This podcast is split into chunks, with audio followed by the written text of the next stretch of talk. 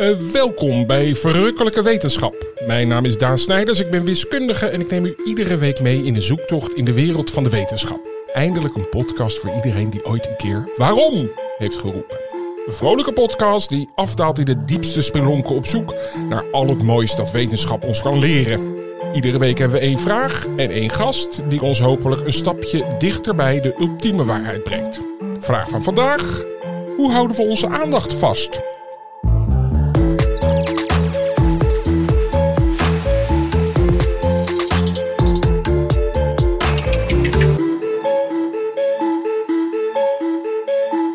Hersenen bepalen wat we wel en niet zien.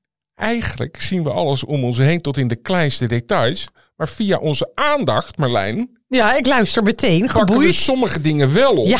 ja. En sommige niet. Wat eh, vind jij zelf dat je erg oplettend bent, dingen goed ziet, opvalt? Of ben je iemand die, die bijvoorbeeld een slechte getuige zou zijn bij de politie?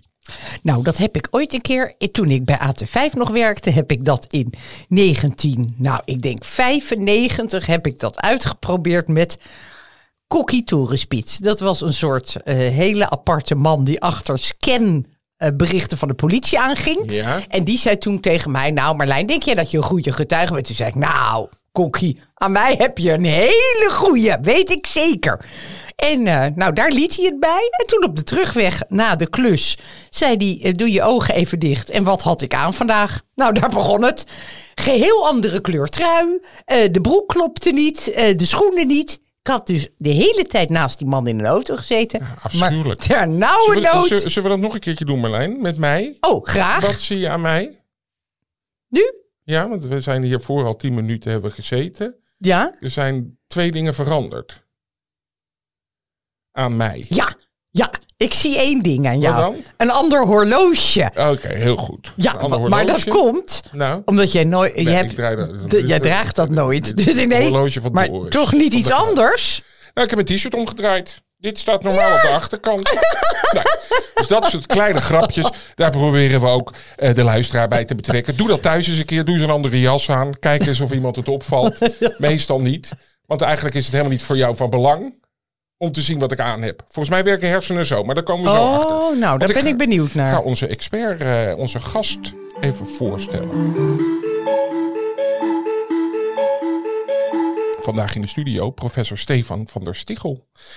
Eh, hij is hoogleraar cognitieve psychologie aan de Universiteit Utrecht en doet onderzoek naar aandacht. Hoe wij onze aandacht verdelen en hoe dingen onze aandacht trekken. Oh, wat heerlijk. Ik heb er nu ja. al zin in. Nou, je hebt het, eh, ik, heb- ik heb nu al een dingetje met verdelen, want daar ben ik zelf heel slecht in. Ehm, nou, laten we daar maar mee beginnen. Het verdelen van aandacht. Ja. Dat, dat is Oh. een van uw gebieden. Ja, Kan dat eigenlijk, verdelen van aandacht? ehm, dat, nee, eigenlijk kan het niet. Je kunt je aandacht op één moment in de tijd, maar op één plek tegelijkertijd richten. En dan hebben we het ook nog eens een keer over de buitenwereld en de binnenwereld. Dus je kunt ook niet tegelijkertijd iets aan je gedachten en dan ook tegelijkertijd aandacht geven aan de buitenwereld. Dus het is echt vrij beperkt. Je kunt je aandacht binnen of buiten, maar op één plek of één ding, één gedachte, één taak tegelijkertijd richten. Gelukkig kunnen we vrij snel de aandacht verschuiven, maar als je het puur sec bekijkt, op één moment in de tijd, deze snapshot, is je aandacht op één plek in de wereld, binnen of buiten. Dus als, als je aan het nadenken bent, dan zie je eigenlijk niet wat er om je heen gebeurt. Ja, dat, dat, dat, dat- nu komen we in de definitiekwestie. Ja. Belangrijk om dat vroeg te doen. Ja. Zien, het valt natuurlijk wel op je netvlies. Eh, de, ogen, de, de ogen vangen het op. Het wordt nou, in de hele basale gebieden van ons brein waargenomen. Dus kleuren en vormen. Maar door echt iets te weten wat iets is, wat wij dan, wij dan noemen de identiteit, dat je weet, hey, er staat een bepaald persoon en ik weet wie dat is, daar heb je aandacht voor nodig. Aandacht heb je nodig om tot de identiteit van een object te komen, tot, tot te weten wat iets is. Dus je hebt de automatische piloot, maar dan kan het dus ook zomaar zijn dat er ineens een bekend persoon voor je neus staat die je totaal gemist hebt. Omdat je daar heb je aandacht voor nodig. Dus door echt toegang te krijgen, door echt bewust te worden van wat is dat nou wat voor mijn neus staat of Ja, wat ik opmerk, ja, ja. daar heb je aandacht voor nodig. Dus je moet het zien als een soort filter. Er komt heel veel informatie binnen. En maar een heel klein gedeelte wordt, wordt diep verwerkt tot het, tot het niveau van identiteit. Nou heb jij het hele tijd... Ook doe even de vinger op. Sorry, ik moet mijn vinger altijd opsteken van mijn broer als ik een vraag wil stellen. Ja, en dan toestemming krijgen, maar ga door. Maar je ving mijn aandacht, want je vinger ging omhoog. Dus nu heb ik mijn aandacht op jou gericht. Heel en nu, goed. nu ben ik er. Ja. Jij zegt de hele tijd zien. Ja. Maar speelt dan horen eigenlijk een ondergeschikte rol aan het zien? Nee, eh, eigenlijk is het alle regels die we nu over het zien eh, vertellen, gelden ook voor alle andere zintuigen. Ons brein moet selecteren op alle binnenkomende informatie. Alle sensoren van ons brein, alle zintuigen, die hebben een beperkte capaciteit als we het hebben over die diepere verwerking. Ja, Dus ook alle, al die, de hele selectie geldt ook voor oren. Ja, ja. oké. En dan in, in vooral verandering kunnen we goed zien, volgens mij. Dat, dan, Ja, die- Zoals die vinger die net omhoog ging, dan, dan let je op. Zolang iets hetzelfde blijft. Ik ga dat horloge afdoen. Ja, er zijn bepaalde dingen die trekken automatisch de aandacht. Dat zijn, onze, dat zijn onze reflexen. En die hebben vanuit evolutionair oogpunt hartstikke nodig. Zoals er nu iemand de deur binnenkomt lopen, de kamer binnenkomt lopen, de deur gaat open of iemand begint te schreeuwen. Eh, dit geluid wat nu even, eh, wat nu even gemaakt wordt. Ja. Dan zegt het brein eigenlijk, hé hey, wacht, er is, iets, er is iets anders. En daar moet mijn aandacht dan automatisch naartoe. Dus je zit een boek te lezen, iemand begint te praten. Dan stop je met lezen. Automatisch kan je helemaal niks aan doen. En dan gaat de aandacht naar diegene die begint te praten. Daarom is in de trein een boek lezen zo ingewikkeld als iemand aan de telefoon zit. Omdat je de hele tijd stil. En dan begint iemand te praten. Hop, gaat de aandacht er naartoe. Stil, begint iemand te praten. Hop, de aandacht er naartoe. En dan zeggen we wel eens, ja dat wil ik niet. Dat wil je wel. Je wil opmerkzaam zijn voor de wereld om je heen. Maar omdat je aandacht maar op één plek tegelijkertijd kan richten, komt dat met kosten. Namelijk dat je moet stoppen met waar je mee bezig bent. Dus het is hartstikke handig, maar een notificatie van je mobiele telefoon is hetzelfde principe. En ja, daarvan zou je kunnen afvragen, moet je dat dan de hele tijd in je omgeving hebben? Als dat gaat betekenen dat je moet je aandacht weer de hele tijd daarop moet richten als er een notificatie binnenkomt of een pop-up van een nieuwe e-mail. Allemaal dezelfde evolutionaire principes. Er is iets nieuws in je omgeving, daar moet de aandacht naartoe. Dat, dat is de reflex, kun je niks aan doen. Maar er zijn toch mensen die zich kunnen afsluiten. Ik woon samen met iemand en eh, nou, daar kan ik heel erg tegen zitten praten. Maar die doet gewoon, of ze doet alsof ze me niet hoort.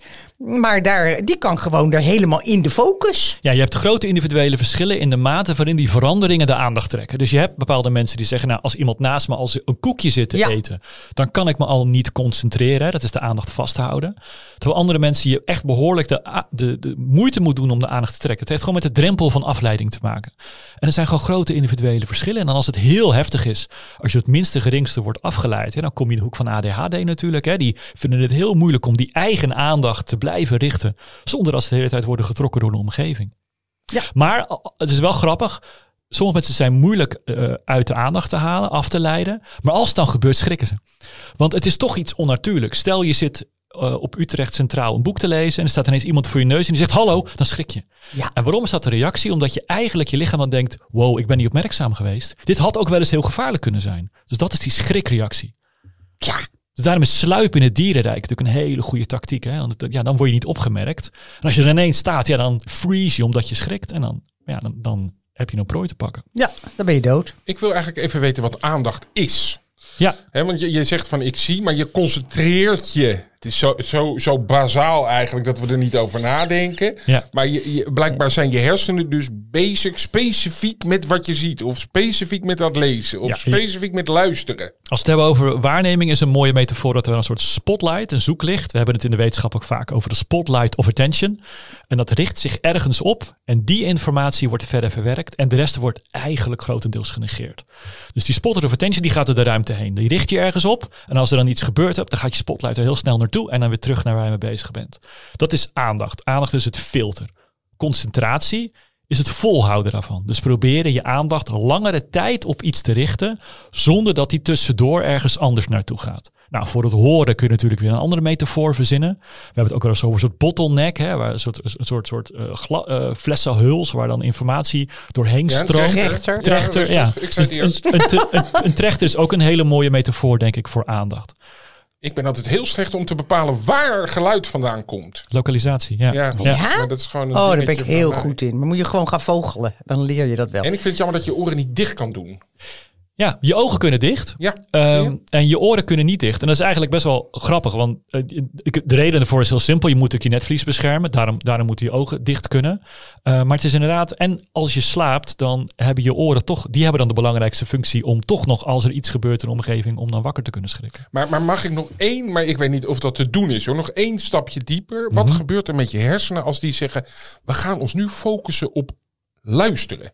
Of we gaan nu echt even intensief kijken en turen. Ja. Is dat dan echt dat je ziet in de hersenen zijn er andere delen Ja, actief? er zijn andere delen actief. Je hebt de visuele gebieden, je hebt de auditieve ge- gebieden. En wat je dan inderdaad ziet, is dat mensen, vaak als mensen heel goed luisteren, willen luisteren, wat doen dan? Gaan de ogen dicht. Ja. Dus dat helpt natuurlijk ook, want dan zijn er geen reflexen die zich dan, die zich dan je kunnen opdwingen. Of mensen doen even de oren dicht, uh, hè, met, met de handen voor de oren bijvoorbeeld, als ze, als, ze, als ze willen kijken. Maar je hebt inderdaad specifieke gebieden voor de, voor, voor de verschillende type waarnemingen. En je ziet inderdaad dat de aandacht dan in zo'n gebied als het ware even uitlicht. En dan probeert zoveel mogelijk alle activiteiten in die andere gebieden zo laag mogelijk te krijgen. Maar toch, als jij heel goed wil kijken en iemand begint te schreeuwen, dan zal dat toch onderbroken worden. Maar dan zal de drempel wel veranderd zijn. Want het wordt dan eigenlijk als het ware een beetje gedempt. Maar kan je jezelf ook trainen? Want ik bedoel, eh, er wordt wel eens tegen mij gezegd, want zoals je net zei met dat ADHD, Ja. dat ik en dat heb ik heel erg. Ik bedoel, in de klas moest ik altijd vooraan zitten, want als iemand al een pen liet vallen, Ja. dan was ik al eh, met zes dingen andere dingen bezig. Maar eh, dan zeggen mensen, hoe, misschien moet je mindfulness gaan doen. Ja. Kan je dat helemaal trainen, dat je bijvoorbeeld helemaal niet meer iets hoort of ziet?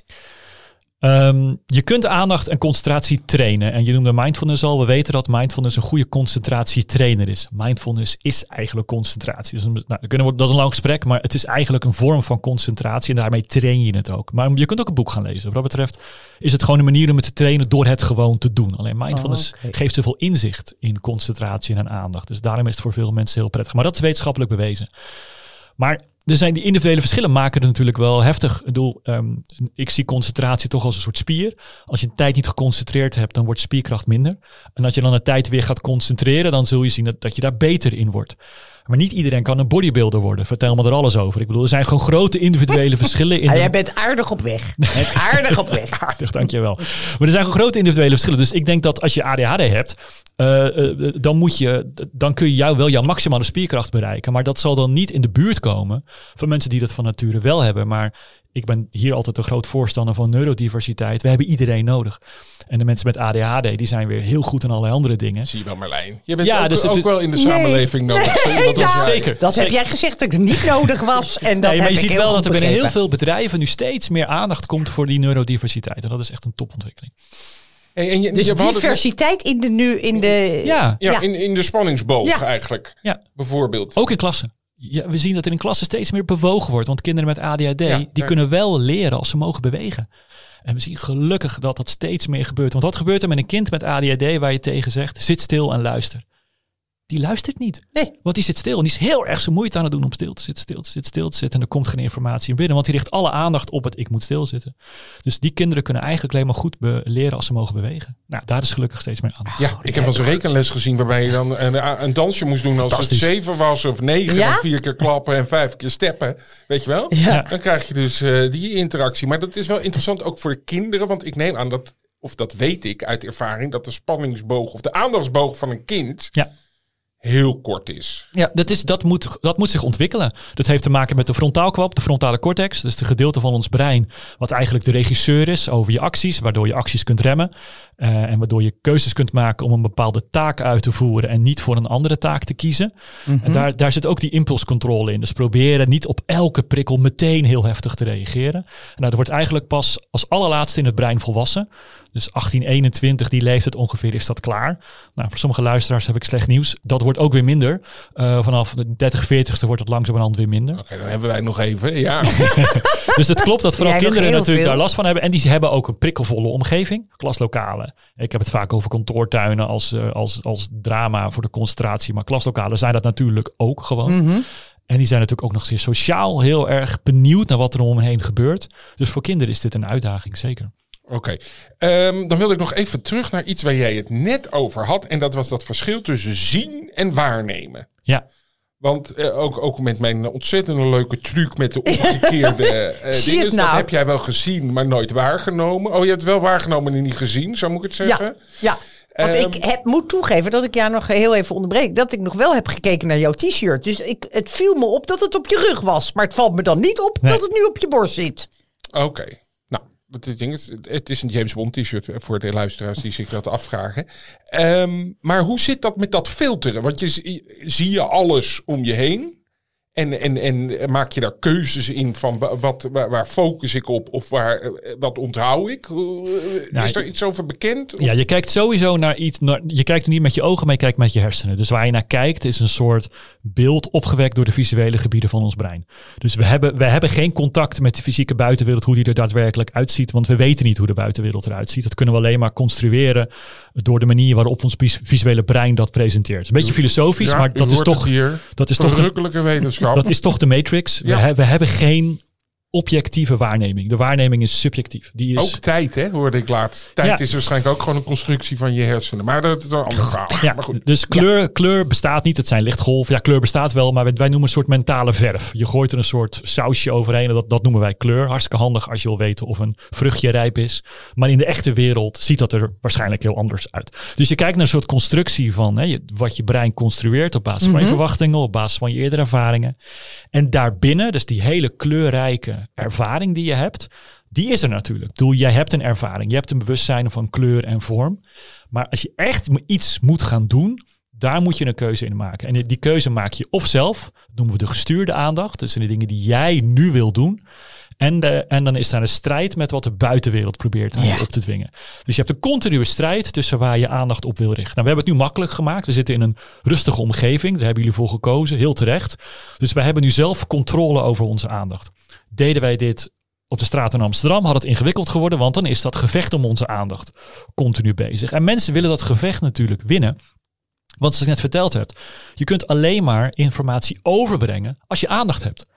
Als je geen aandacht hebt, dan, dan wordt die informatie genegeerd. Alles wat je ooit gehoord hebt over onbewuste beïnvloeding, ja, dat kun je vergeten, want dat is wetenschappelijk gewoon niet waar. Je hebt Subliminal messages. suppli- ja, dat hele Een verhaal. hele goede Columbo, moet ik even zeggen. Is daar een Dat- Columbo-aflevering ja, over? Oh, Columbo van. Columbo, die, die- daar moet iedereen alle afleveringen van kijken. Maar toen op een gegeven moment zat Columbo... is Daan nogal dol op. Er werd iemand dan vermoord, want die ging tijdens een film Ja. eh, naar buiten toe om wat te gaan drinken. Maar toen bleek dus dat de gemene Rick, die had in die film hele Oh, korte gedaan van eh, woestijnen, een flesje cola, een cactus. En eh, iemand die heel erg dorst had. Waardoor diegene, die, hij wist dat diegene die zat te kijken, na 20 minuten even een glaasje water ging halen. Ja, Door die messages, maar dat is onzin. Dus. Dat is onzin. Dus ja, dat verhaal over de Coca-Cola, wat, wat veel mensen kennen in de bioscoop, dat is nooit gebeurd. Meneer Vickery heeft dat verzonnen. Dus fake news heeft hij later ook gewoon toegegeven. Maar ja, Wat, dat wat blijft. was dat voor een verhaal? Het verhaal was dat, je, dat mensen dan tijdens de film heel kort een beeld kregen aangeboden. Drink Coca-Cola. Maar dat is zo kort aangeboden dat je dat dan niet bewust kunt waarnemen. En dan gingen ze naar buiten en bestelden ze allemaal Coca-Cola. Nou, zo werkt dat brein niet. je hebt aandacht nodig. Je kunt mensen wel beïnvloeden, maar echt op een secondeschaal. en je kunt mensen wel beïnvloeden, maar dan heb je de aandacht nodig. Dus alles wat Victor Mits altijd vertelt over onbewuste beïnvloeding. Ik vind dat zo grappig. Eh, Victor Mits, daarvan weten we dat hij trucs uithaalt. Dit is die leuke jongen van... eh, Ja, de Mindfuck. Dus die ja. vertelt heel... Ja, en dan, oh, en, dan Dol ga- op. en dan gaat hij erna uitleggen hoe het werkt. En dan denkt iedereen, oh, dit is wel waar. Dat is ook niet waar Ja. natuurlijk. Het is deel van de truc. Het is deel van de afleiding.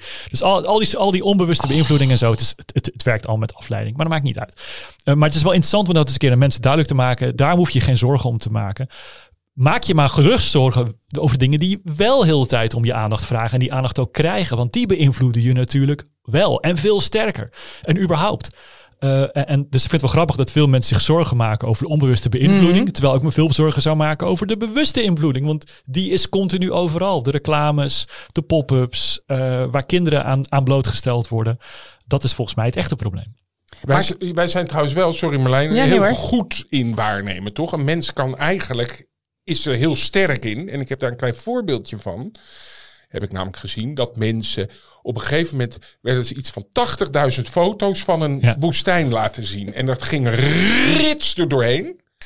En dan wisten mensen toch dan achteraf te zeggen, volgens mij rond 5, 6 seconden was daar iets, iets van een huis of zo te zien. Terwijl toen dat geanalyseerd werd door, door, door computers, dat veel langer duurde. Maar wij zien dat, dat verschil. Het verschil. heel- de- de- We, hebben, ja, oké. we hebben een razendsnel ehm, ehm, manier om te kunnen waarnemen wat iets is. En dan heb je niet, dan kun je, heb je niet zeggen van nou daar stond, eh, die had dat op zijn t-shirt geschreven of die auto was rood of volgens mij was het een Ford. Dat kan niet. Maar je kan wel in een split second, dat noemen we gist perception, dat je een soort idee hebt van woestijn. Ja. En dat is, daar heb je geen aandacht voor nodig. Om, om- omdat je dan alleen maar een soort idee hebt van. Maar word je dan iets gedetailleerd gevraagd, dan lukt het mensen niet. Maar die Ja. pure eerste waarneming, daar hebben we een ongelooflijk geheugen voor. Maar Daan, jij bedoelt ook dat je eh, goed de verandering ziet. Maar dan zeg jij, daar zijn mensen heel goed in. Ik, ik weet dat als ik met mijn paard naar buiten ga...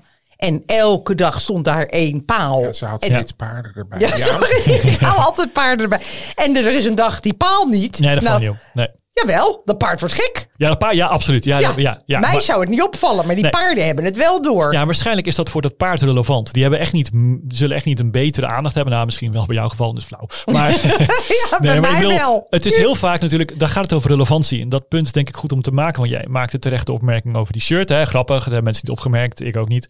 Ehm, maar als jij aan het begin van de eh, eh, dag had gezegd... jongens, ik ga vandaag iets anders aantrekken. Ik ga iets doen. Dan gaan we er de hele tijd op zitten letten. Ja, En dat maakt het super interessant. Dat betekent dat. Daarom kun je met iemand over straat lopen. die dan zegt: Hey, heb je dat gezien? Nee, dat heb ik helemaal niet gezien. Maar die vindt andere dingen belangrijk. Ja, Daarom is het samen kijken naar kunst ook zo interessant. Omdat je allebei, je, je hebt allebei je, je eigen ervaringen. Je hebt je eigen verwachtingen en je eigen interesses. En daar, daarom is het heel nuttig om samen naar kunst te kijken. Het wordt ook heel veel artsenopleidingen zelfs gedaan. Omdat je daardoor eh, door elkaar te bevragen over wat zie jij. Dan merk je ook die individuele verschillen op. En haal je dus, als je samen kijkt, haal je meer uit de wereld. Omdat je allebei je eigen filter hebt. Ja. En je eigen regels voor het filter. ja, ja. Ja, en eh, professor Van der Stichel, bent u ook zo voor knipperende remlichten? Dat heb ik namelijk. Uh, wil Ja. ik even uitleggen. Het Ja, goed verschil, het- dus stel je kijkt voor je, je ziet een auto rijden. Ja. Je rijdt zelf ook. Ik stond trouwens net, moet even over aandacht. Ik zat nog een draaiboekje een beetje bij, want ik stond voor de brug te wachten. De brug was open bij de Amstel. Eh, was ik eh, getoeter zeg, eh, was alles al lang groen. Oh. Dus dat is aandacht. Ja. Ja. ik dat helemaal niet door. Maar goed. Nina, levensgevaarlijk. Nou, lekker. Maar stel dat er een auto voor je rijdt. ja, Eh, jij bent ook aan het rijden. Nou gaat het allemaal goed. Je kijkt heel eventjes, laten we zeggen, naast je. Of je nog een, nog een bakje eh, van, eh, dinges, eh, Smarties daar hebt staan. Kijk voor M&M'tjes je. dan. En daar staat een remlicht aan.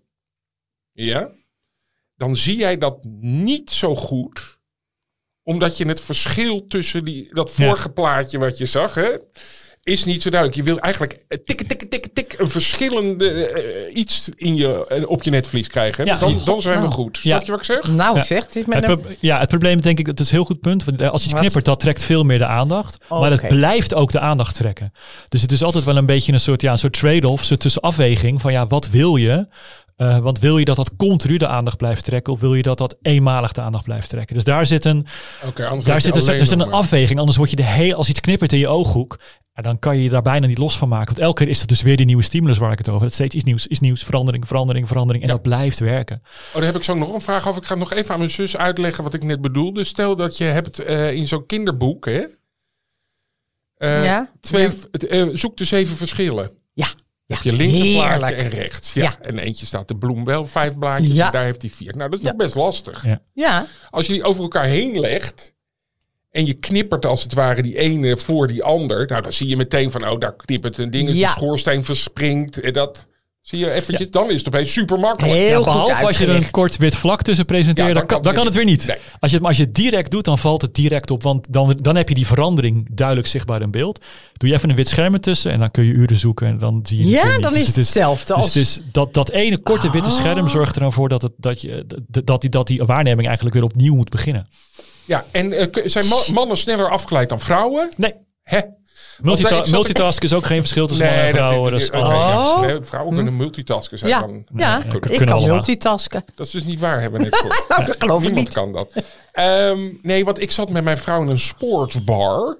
Ehm, en dan probeerde ik met haar Lekker gesprek hip. te Ja, voeren. En dan staat er rechts een televisie aan. Ja. Maar dat is niet te doen. Nee, is niet te Dan- doen. Dan kan ik me ook beroepen op jouw vakgebied. Hè, dat ik, dat Ja. ik niet desinteresse in, in een familiaal Nee, je moet geen goed gesprek gaan proberen te voeren in een sport. Nou, maar jouw vrouw kan dat. Ja, dat denk ik namelijk Nou, wel. dat is het Ja, maar als zij totaal niet geïnteresseerd is in sport, Nee. dan Ja. zou dat nog makkelijker kunnen. Want Maar bij als mij je, is het al beweging. Weet je, wel, er beweegt iets, Ja. beweegt Ja. iets. Ja, nou dat zijn die individuele verschillen. En is het voor jou misschien nog wel een interessante dat je stiekem ook nog wel geïnteresseerd bent in wat er gebeurt. Ja, het was wel Juventus. Dus, dus het, dan, heb je, dan, ja, dan heb je beide. Dan heb je beide factoren die een rol spelen. Hey, Maar ja, het, is ja. toch ook, het gaat toch ook om al afleiding in je eigen hoofd. Want jij Ja. hebt het nu de hele tijd over knipperende lichten. Ja. Maar ik kan ook wel, terwijl ik een gesprek met jou aan het voeren ben, denken over wat ik zo direct moet gaan eten.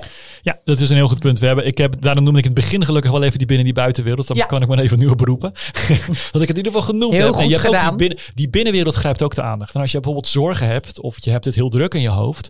eh, je moet heel veel doen. En dan, dan zijn, dan is dat eigenlijk bijna hetzelfde als er iets in je buitenwereld aan het knipperen is. Dan knippert er eigenlijk iets in de binnenwereld. En dat grijpt ook de aandacht. En dan kun je dus een boek zitten lezen. Maar dan gaat je niet lukken. Omdat er steeds in de binnenwereld dingen naar boven opkomen. Die ook de aandacht zullen grijpen. Ja. Hey, We gaan het zo hebben over hoe de reclame daar eh, heel erg gebruik van maakt. En de commercie en onze telefoon, weet je wel. Dat, dat, eh, hoe pakken die jouw aandacht zonder dat we daar zelf zin in hebben, Marlijn? Maar eerst een tussenverhaal.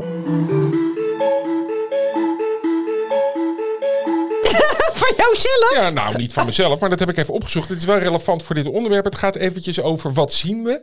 En dan hebben we het over savants. Savanten, savants.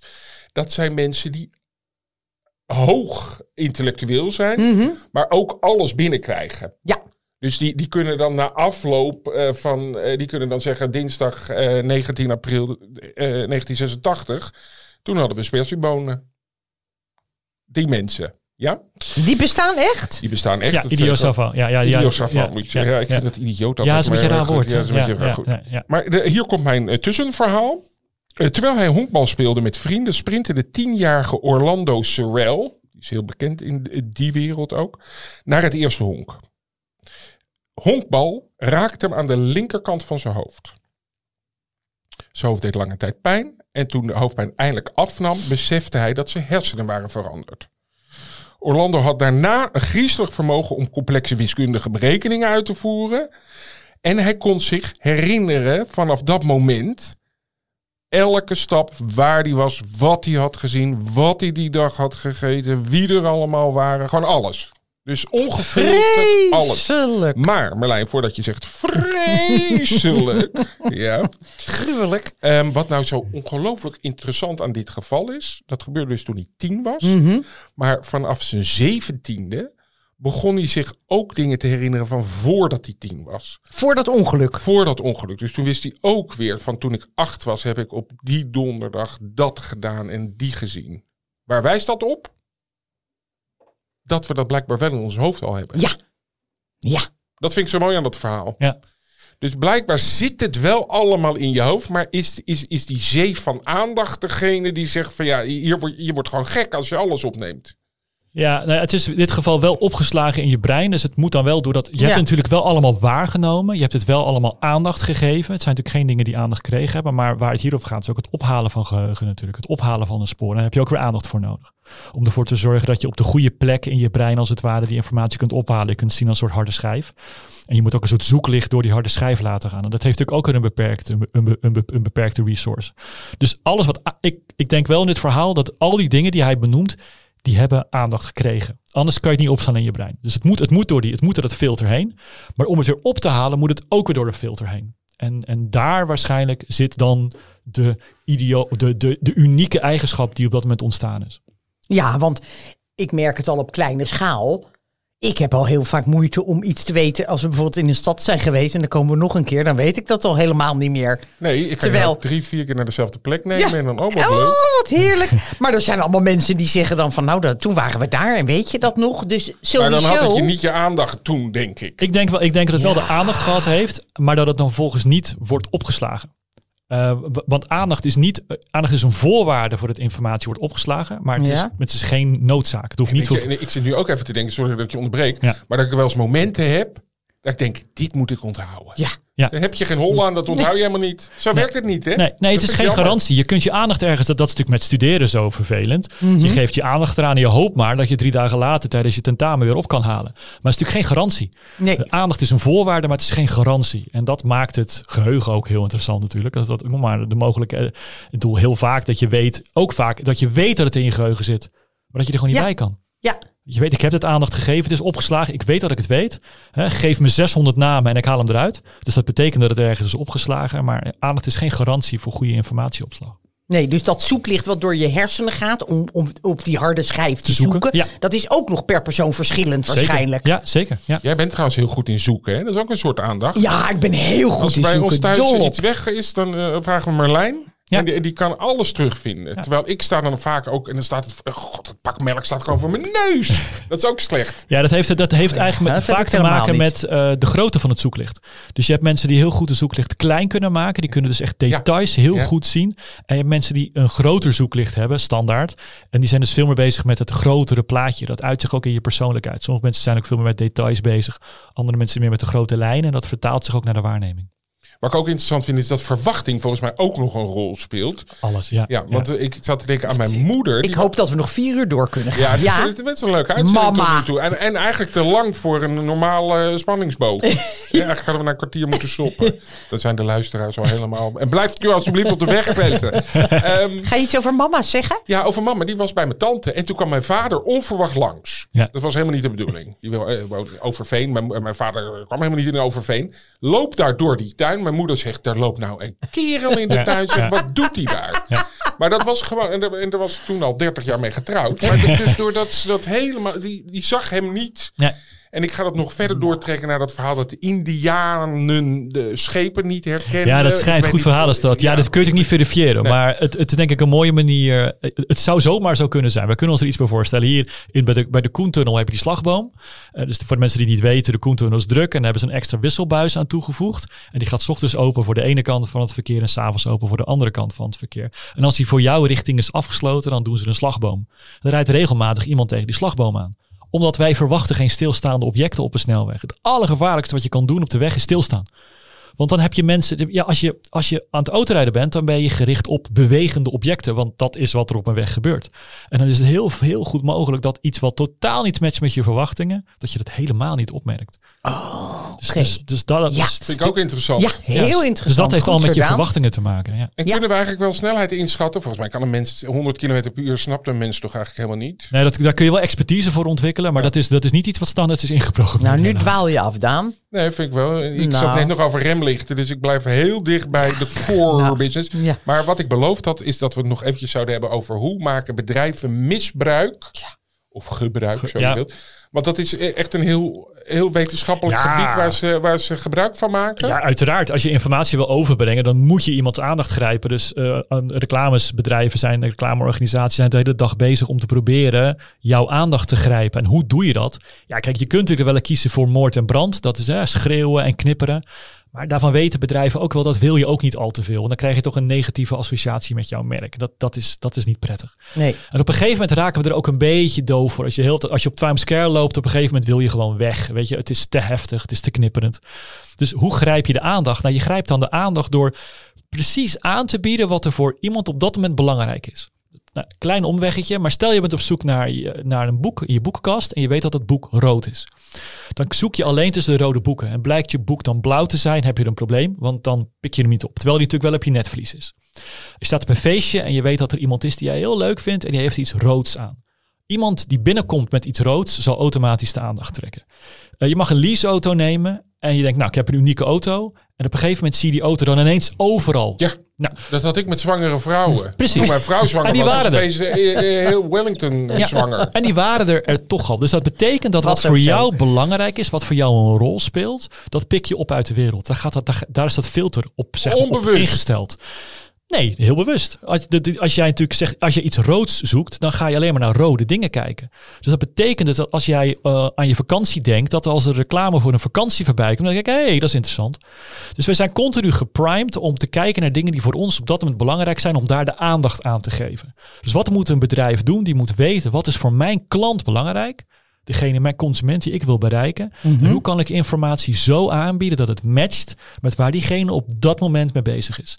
En daarom is die gepersonaliseerde reclame nou zo belangrijk. Stel je wil nieuwe schoenen hebben en je ziet dan op dat moment de reclame voor schoenen. Ja, dan gaat natuurlijk gigantisch de aandacht trekken, want je bent met schoenen bezig.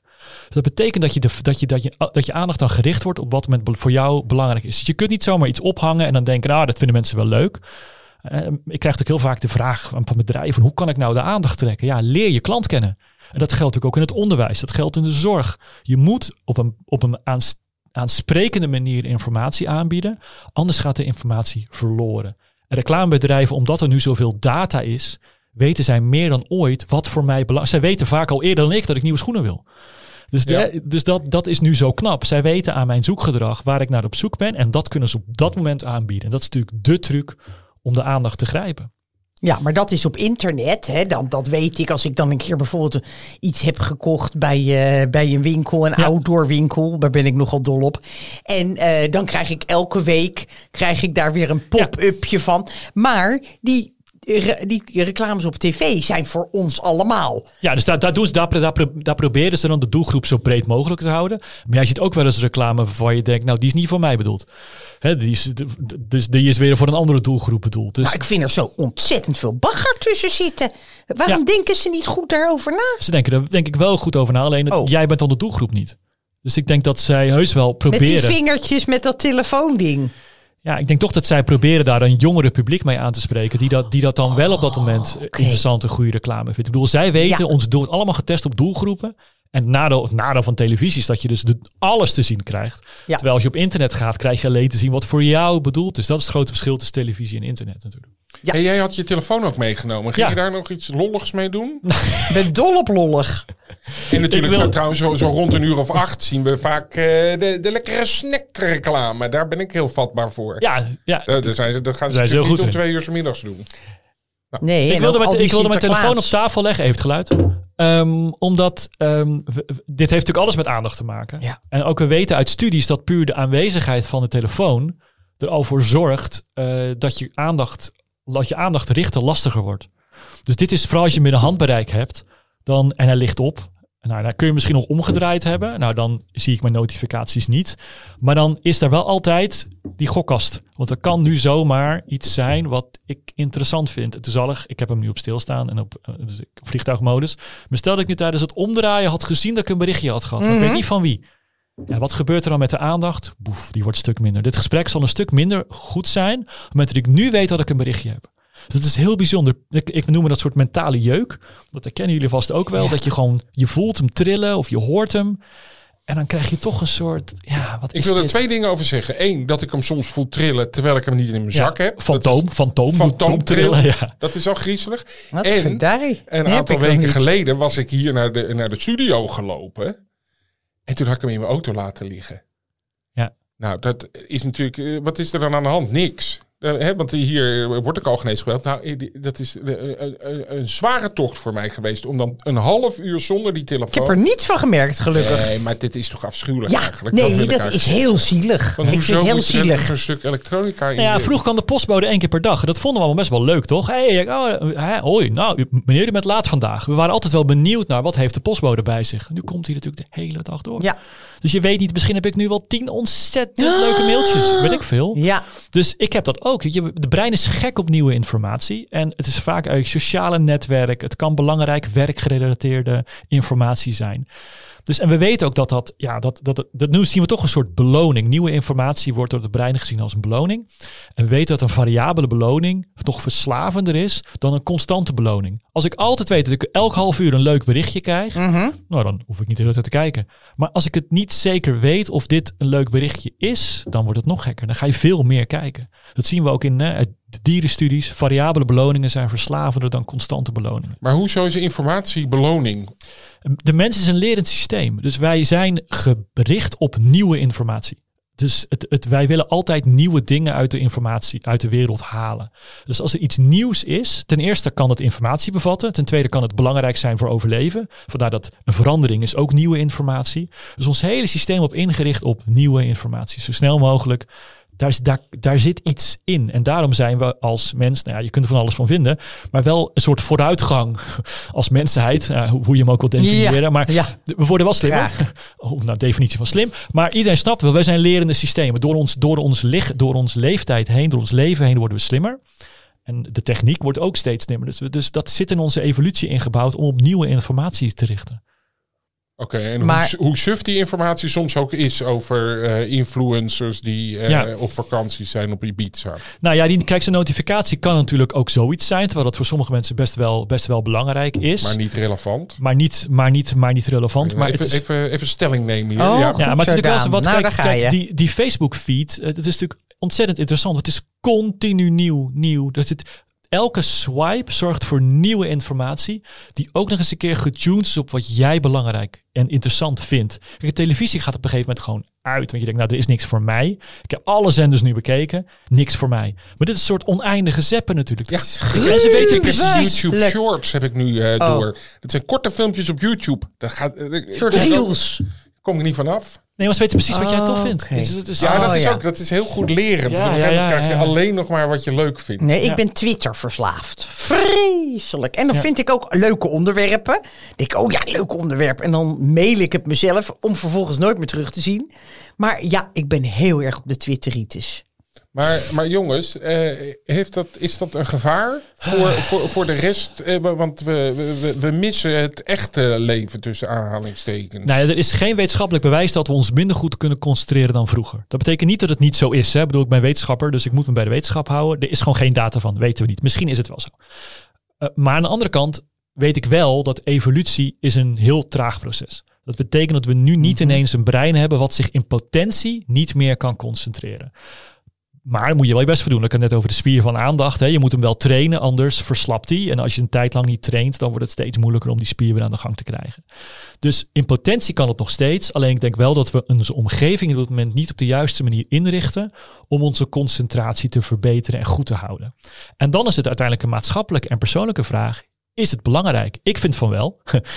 ik vind het belangrijk dat kinderen boeken lezen en dat mensen in staat zijn om langere tijd informatie tot zich te nemen. Mhm. Maar laten we wel wezen, dat blijft een persoonlijke overtuiging. Misschien denkt de jeugd er heel anders over. En Dat moeten wij met elkaar toch realiseren, dat er minder boeken gelezen zullen gaan worden. Is dat erg? Wij vinden dat van wel. Maar misschien komen we straks met een generatie die dat, die dat, die dat niet erg maar, maar vindt. volgens mij eh, zal die generatie zich ontzettend snel gaan vervelen met alles. Maar dat is meer informatie dan ooit. Dus bam, Maar bam, dan bam, de moet hele maar dag. door dan de Ja, hele dat- tijd. ja, dat dat gebeurt- lekker een kwartier op een tuinstoel. Ja, dan zit je wel eens op TikTok. Ik bedoel, ik niet, maar ik zie het wel eens. Het gaat maar door. Dus de hele dag. Dus ze hoeven het, waarom zou je langere tijd op iets te hoeven te richten als er steeds nieuwe Ja, ik- informatie... Ik, heb ja, wat daar voor zelf wereld... het gevoel bij. Ja. Want dat ene, het, inderdaad TikTok wat je nu noemt, dat heeft ook geen begin en eind. Het gaat Nee. maar pop, pop, pop, pop, pop, top. Nou, wat ik dus wel vind, is vind dat we in school... Ik denk dat ze niks gaan afmaken. Op dat ze een half gebouw maken Ja. en dan weglopen. Dat op denk ik. Maar daar hebben wij als generatie nog iets te doen. En dat doen we natuurlijk op school. We hebben het Ja. schoolsysteem. En hier wil ik wel voor pleiten. Wij vinden het belangrijk. Dus wij als generatie, die oudere generatie, moeten dan maar gewoon beslissen. En dat gebeurt gelukkig ook. Dat er op scholen gewoon nog geconcentreerd wordt. Dus die mobieltjes die gaan gewoon in zakjes. Eh, behalve als ze naar muziek willen luisteren. Nou, dat is een hele andere discussie. Want het is soms wel eens een goed idee om jezelf af te sluiten. Maar ik hoor genoeg scholen waar het ochtends gewoon inleveren is van die mobieltjes. En hier ga je concentreren. En joh, als je dan acht uur per dag op school geconcentreerd hebt, mag je van mij s'avonds op de bank lekker TikTokken. Want er zijn genoeg mensen, volwassenen, die tijdens hun werk al niet eens twee, drie uur per dag concentreren. Dus wij moeten ook naar onszelf kijken, denk ik. Heel goed. Maar ik denk ook dat als die generatie die eh, bijvoorbeeld eh, nou, twee generaties later, als die voor de klas staan, dat ze misschien wel prima vinden dat iedereen met een telefoontje zit. Ja. Ik mocht van mijn ouders vroeger ook niet te lang naar televisie Nee. kijken. Dat schijnt, nu, dat Oh. schijnt nu ineens geen probleem meer te zijn. Oh, weet je nog, Daan, mochten we alleen maar heel even het kleine huis op de prairie. Ja. Leek enorm, Eo. vrijdag. Maar daardoor ben ik wel Ja. verslaafd aan televisie geworden. Juist doordat het mij Ah, ontzettend nee, dat is, zo, dat is een. Daar gaan we wel een keer een ding over bij. Ik, dat is een kletsverhaal. Dat je het niet mag. Dat is net zoals mensen die zeggen: ja, ik geef mijn kind maar wat alcohol, want anders gaat hij het ergens anders Volgens mij is het allerbelangrijkste dat je met elkaar leert hoe je ermee om moet gaan. Dat je dat, dat, je dat, dat, je dat, dat je dat gesprek start. En volgens mij als ouder kun je veel beter proberen ervoor te zorgen dat ze, dat ze digiwijs worden en dat ze het Ja. snappen. En dit gesprek over concentratie ook thuis hebben. Want ja, zij willen uiteindelijk ook niet middelbare school afmaken. En dan moet je je ook als tiener je leven op een bepaalde manier inrichten. Anders, hoe slim je ook bent, maar je zal toch even een paar uur per dag moeten, kunnen, moeten, moeten, moeten concentreren. Ja. Maar ik vind eigenlijk nog erger, ja, dat even nog iets persoonlijks, een persoonlijke noot. Nog erger dan de telefoon, het horloge. Ik heb het nu ook niet om, omdat ik weet dat op momenten dat ik me moet concentreren, is die watch van een speciaal merk Ik ben er ook nog. Hallo, hallo, hallo, hallo. En eigenlijk moet ik dat gewoon niet doen Nee, dat moet je- bij nee. mezelf. Nee, maar dit is denk ik ook een oproep aan iedereen van als deze podcast klaar is. Ga eens nadenken over hoe is jouw omgeving ingericht. Ja. Kijk, ik zit ook niet op al die sociale media. Ik schijn van alles te missen. Maar ja, wat je niet weet. eh, Ik bedoel, als je op al die platforms zit, haal er eens van de vijf, haal er eens drie weg. Gewoon van je mobiel. Let- Zet ze misschien op een pad of een tablet of zo. Maar gewoon kun je een tijd. Maak keuzes hierin. Moet je alle notificaties wel aan hebben staan? Moet je op alle sociale media? Ik zie het op LinkedIn. Ik schijn van alles te missen qua opdrachten en lezingen. Het zal Oh. wel. Mensen vinden me wel. Maar ik heb er gewoon geen zin in. Maar professor Van der Steggel, en daar Ja. gaan we dan mee afsluiten. Ja. Waarom moet dat er dan wel af? Want, want net hoorde ik u toch zeggen van nou, je kan eigenlijk, het maakt nou niet uit als je 200 dingen tegelijk eh, voor je ogen krijgt. Of is die rust, ik hoop dat u daarvoor gaat pleiten, Mhm. die rust af en toe, niet de hele tijd overal mee bezig zijn, even weer tanken. Ja. Ik wil u geen woorden in maar, maar Ja, je, zegt maar- het, ja, je zegt het perfect, denk ik. Je, je moet ook periodes van rust inbouwen. Want wat dat betreft moet je het brein als toch een soort, als soort batterij. Op een gegeven moment is de batterij gewoon leeg. En zul je hem opnieuw op moeten laden. Ook gedurende de dag. Dus het is goed voor je mentale vermoeidheid. En je, men- daar uiteindelijk ook dus je mentale gezondheid. Hè, gewoon je mentale rust. Dat je gedurende de dag ook eh, momenten hebt waarin je niet al te veel prikkels binnenkrijgt. Dus maak die wandeling. Maar ook eens een keer zonder podcast, behalve deze natuurlijk. Maar ik bedoel, hè, het is, eh, ook dan weer moet die podcast op. Terwijl ik denk, ja, er zijn ook wel eens momenten dat je, dat, dat je gewoon in de natuur of in een park kan wandelen zonder die prikkels. En ik pleit daarvoor, omdat het goed is voor de concentratie, het is goed voor de creativiteit. En ik denk uiteindelijk dat je dus veel meer gedaan krijgt als je op die manier kiest om je dag in te delen. Dus ook, dit is ook voor de thuiswerkers denk ik een goede oproep om hierover na te denken. En voor de mensen op kantoor om na te denken over de inrichting van een kantoorruimte. Het komt misschien over als efficiënt om de hele dag open te staan voor prikkels, maar je raakt vermoeid. En uiteindelijk krijg je minder gedaan, omdat je de hele tijd met die afleiding te maken hebt met een lege batterij. Nou ja, je snapt wel waar dat uiteindelijk toe leidt. Ja, en ik vind het dus mooi dat we ook geconstateerd hebben dat we daar eigenlijk niks aan kunnen doen. Want als, als, als Joke van de, van de kantine iets roept, Ja. dan hoor je dat, dan reageer je op, ook al Precies. zou je het niet willen. En dus eigenlijk moet je met elkaar dus ook met de bedrijven nadenken over hoe richten we hier de omgeving in, zodat dit nog, dus zodat Joke, zodat Joke niet hoorbaar is, we maar zeggen. Gewoon kop Ja. dicht tussen tien en Nou, ik weet nog bij de VPRO, daar hadden ze dan een nieuw gebouw. En zo trots als een aap. En dat was een gebouw met verdiepingen, maar dat was dus via een trap. Dus er waren trappen en er was elke keer etage. Maar dat was dus allemaal met elkaar Ja, verbonden. het is een prachtig gebouw, maar je krijgt er niks gedaan. Nee. dus beneden, als ik daar had gewerkt, zat ik beneden te praten. En dan hoorden ze het boven. En dat mocht dan van de architect niet aangepast Nee, maar worden. dat is het heel mooi natuurlijk. Die oude is- in, industriële panden, die galmen als een malle. En we hebben ook nog eens een keer heel veel scholen die op dit moment nu worden opgeleverd. En wat is op dit moment in? Glas. Ja, Al, al die lokalen hebben glas. Doe dat niet. Moet je je voorstellen, een kind met ADHD aan, aan de deur, waar de hele een glazen deur waar de mensen voorbij lopen. Kansloos. Ja, Kansloos. sowieso met die klimaatverandering en glas. Je Ja, ja, sterft de dood. ja, nou, oké, dan hebben we er alles bij elkaar gegooid. We hebben Daan. alles gehad. Ontzettend bedankt voor uw komst. Ja, en dan praat ik nog even na met mijn zus. Ik heb het idee dat professor Stefan van der Stichel in die hele selecte groep terecht is gekomen. Die we nog wel eens een keer kunnen uitnodigen. Wat denk jij? Zeker weten. Het was fantastisch. En ik vind het ook heerlijk dat je er zo goed over na kan denken, zelf ook. Ja, Hoe bedoel je dan? Dat snap ik helemaal niet. We zijn de hele tijd lekker bezig. Dan zeg je, ik vind het zo goed dat je er zelf over waar ging het ook alweer over? Nee En wat hoor. bedoel je? Maar dat je, nou, bij Je alles wat hij zegt, denk ik, hoe doe ik dat? Kijk, dat is natuurlijk met, met zwarte gaten andere koek. Ah. Ja. Maar hierbij denk ik de hele tijd. Alles jezelf. ja, ja. Dan gaan we het ook een keer over narcisme hebben. Dank, dank hey, maar eh, en, en, en die rust, hè? Ik heb dat van Paul de Leeuw gehoord. Paul de Leeuw heeft toen, eh, dat is iemand die ook op televisie een show heeft, dat weet je. Eh, die heeft toen als tip gehad van elk uur moest hij gewoon even vijf à tien minuten even niks doen. Anders loop je jezelf de hele tijd voorbij. Dus pak die rust. Dat is mijn tip Ja. ook aan de luisteraars. Ja. Ik voel het nu wel in de Tour de France. Daar ga ik dan voor een beetje zo zitten. En dat is natuurlijk eigenlijk prikkelvrij. Ja. Nou, daar kijk ik dan lekker eventjes naar. Ja, nou ja, heel goed. En, en Dank dat u. is voor de mentale gezondheid. En dat is Rust. belangrijker dan dat je weet wat er ergens eh, in Amerika op dit moment gebeurt. Nou, het kan naast elkaar. Nee, niet de minuut Oh, tegen sorry. gaan spreken. Sorry. Ehm, Ja. Hoeveel gedachten hebben we per dag, denk je ongeveer? Daar sluiten we mee af. Jeetje, Mina, Je ik mag, denk eh, je mag er 30.000? 10, Nou, dat vind ik ontzettend goed van je, lieve. Het is tussen de 40 en 60.000. Nee. Maar normaal zou je zeggen een miljard of nul. maar je zat er heel goed tussen. Hey, Nee. ik begin een wetenschapper te Ja, worden. Dus misschien die er verrukkelijke 30.000. wetenschap. Er zal heus wel dingen, maar het is dus een heleboel. En dan moet je elke keer weer denken van doe ik Ja. daar wat mee, doe ik daar niet mee. Die Nee, maar dat gaat ook automatisch. Dat heb ik nou begrepen, dat je dat niet de hele tijd hoeft af te vragen. Dat weet je wel. Ja, maar dan krijg je meer een beetje van denk maar niet aan een witte ijsbeer. Ja, ja, Oké, Marlijn. ja. eh, waar mogen de mensen nog op reageren? Verrukkelijke wetenschap. kortimedia.nl Kortie met het C.